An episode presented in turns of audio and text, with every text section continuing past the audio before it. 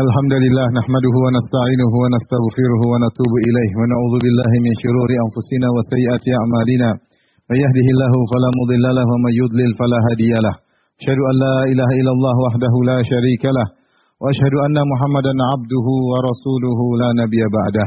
يا أيها الذين آمنوا اتقوا الله حق تقاته ولا تموتن إلا وأنتم مسلمون. فإن أصدق الحديث كتاب الله وخير الهدى هدى محمد صلى الله عليه وسلم. وشر الأمور محدثاتها وكل محدثة بدعة وكل بدعة ضلالة وكل ضلالة في النار معاشر المسلمين أوصيكم ونفسي بتقوى الله فقد فاز المتقون Sungguhnya di antara ibadah yang sangat agung adalah ibadah sedekah. Oleh karenanya Rasulullah SAW bersabda, "Wasadaqatu burhan." Sedekah adalah bukti keimanan seseorang. Terlalu banyak keutamaan sedekah baik keutamaan duniawi maupun keutamaan di akhirat. Cukuplah firman Allah Subhanahu wa taala ketika menjelaskan faedah sedekah secara global yang menunjukkan agungnya pahala sedekah tersebut kata Allah Subhanahu wa taala alladzina yunfiquna amwalahum fi sabilillah thumma la yutbi'una ma anfaqu mannan wala adha lahum ajruhum 'inda rabbihim wala khaufun 'alaihim wala hum yahzanun orang-orang yang berinfak alladzina yunfiquna fi sabilillah yang berinfak di jalan Allah Subhanahu wa taala. Thumma la yutbi'una ma anfaqu mannan wala adha. Kemudian mereka tidak mengiringi infak mereka dengan perbuatan man dan perbuatan perbuatan adha. Apa pahalanya? Lahum ajruhum 'inda rabbihim. Bagi mereka pahala yang spesial untuk mereka inda rabbihim di sisi Rabb mereka. Itu pahala khusus pahala spesial. Kemudian Allah tutup mengatakan wala khaufun alaihim wala hum yahzanun dan tidak ada kekhawatiran atas diri mereka di hari kiamat kelak, di hari akhirat kelak ketika mereka meninggal dunia, wala hum yahzanun dan tidak ada kesedihan bagi mereka. Ini luar biasa. Janji dari Allah Subhanahu wa taala bagi orang yang bersedekah maka mereka akan mendapatkan ganjaran khusus dan tidak perlu khawatir jika mereka meninggal dunia dan tidak perlu bersedih atas apa yang mereka tinggalkan.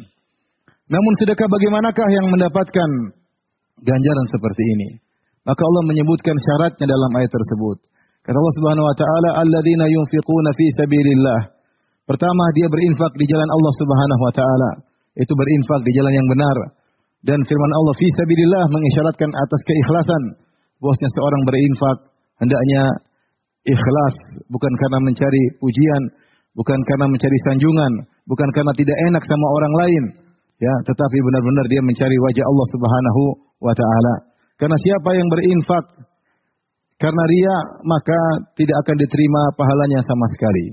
Allah menyebutkan dalam Al-Qur'an, "Ya ayyuhalladzina amanu la tubtilu shadaqatikum bil manni wal adza kalladzi yunfiqu malahu ria'an nas." Kata Allah, orang yang beriman, janganlah kalian batalkan sedekah kalian dengan perbuatan al-man dan perbuatan al-adza. Kalladzi yunfiqu malahu ria'an nas. Seperti orang yang berinfak hartanya dengan ria. Famathaluhu kamathali safwanin alaihi turab fa asabahu wabilun fatarakahu salda la yakdiruna ala syai'in mimma.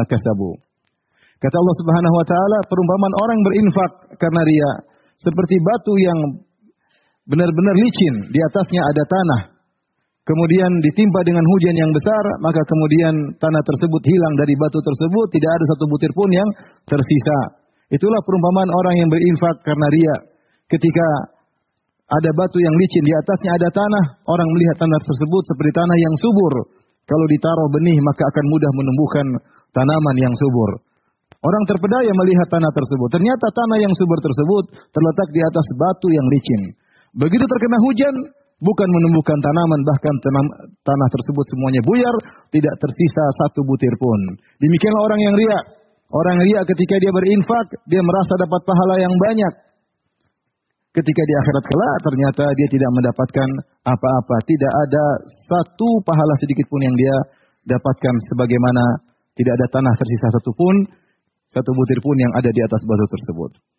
Pertama, sedekah ikhlas kepada Allah Subhanahu wa taala, tidak riak, tidak mengharapkan pujian, bukan karena enggak enak sama orang lain, takut dikatain orang ini dan itu, tapi benar-benar murni karena mencari wajah Allah Subhanahu wa taala.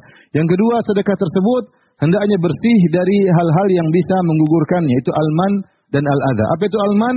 Alman adalah bersedekah dengan merasa kita punya jasa sama dia. Kita merasa dia punya hutang budi sama sama kita.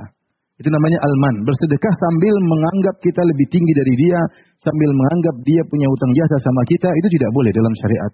Seorang kalau bersedekah murni karena Allah Subhanahu wa taala, mencari wajah Allah, bukan untuk mentang-mentang merasa lebih tinggi daripada orang tersebut. Itu disebut dengan alman.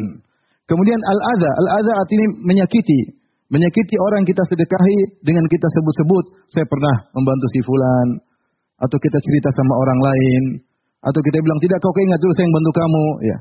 Atau dia mungkin memakai baju baru yang kita berikan, kita bilang baju bagus sekali bajumu, siapa yang kasih. Intinya kita berkata-kata atau berbuat yang menyakiti hatinya. Maka ini semua akan mengugurkan sedekah yang kita lakukan sehingga tidak mendapatkan pahala sama sekali.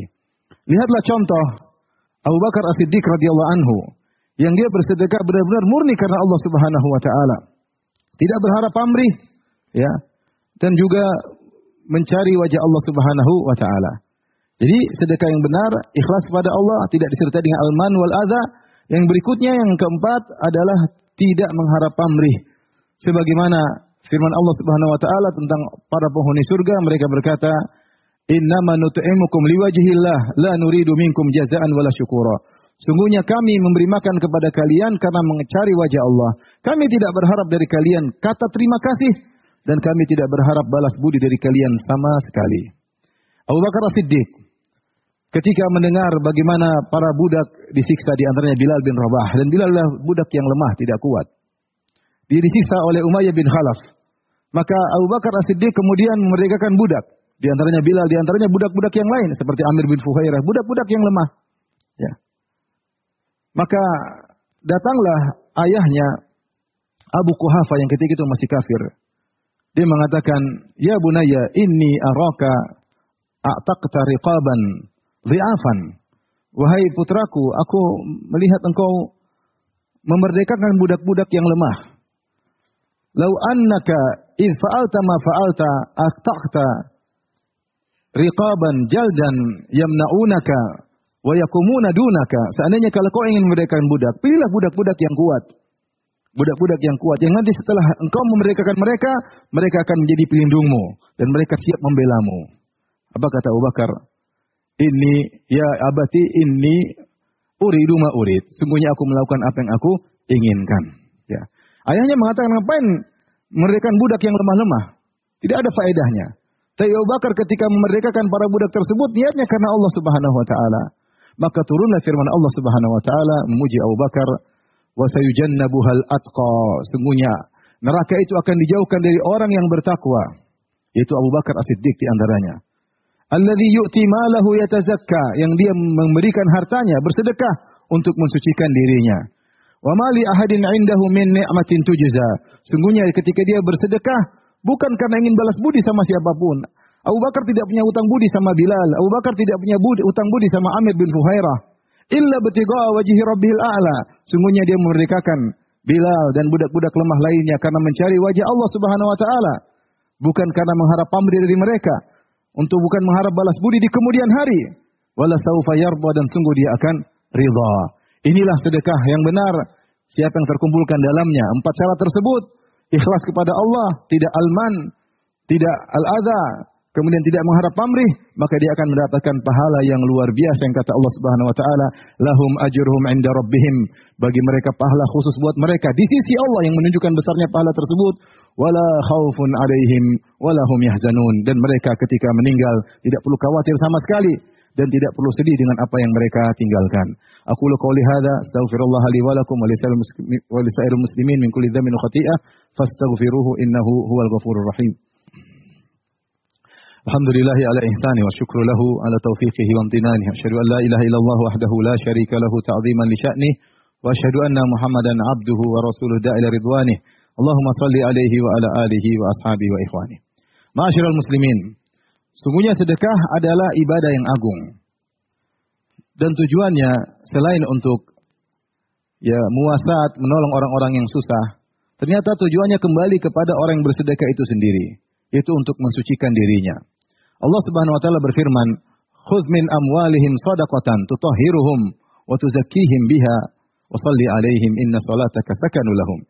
Wahai Muhammad, ambillah sedekah dari mereka, yaitu zakat. Apa fungsi sedekah tersebut? Tutahhiruhum wa tuzakkihim biha. Yaitu yang akan mensucikan mereka, membersihkan mereka.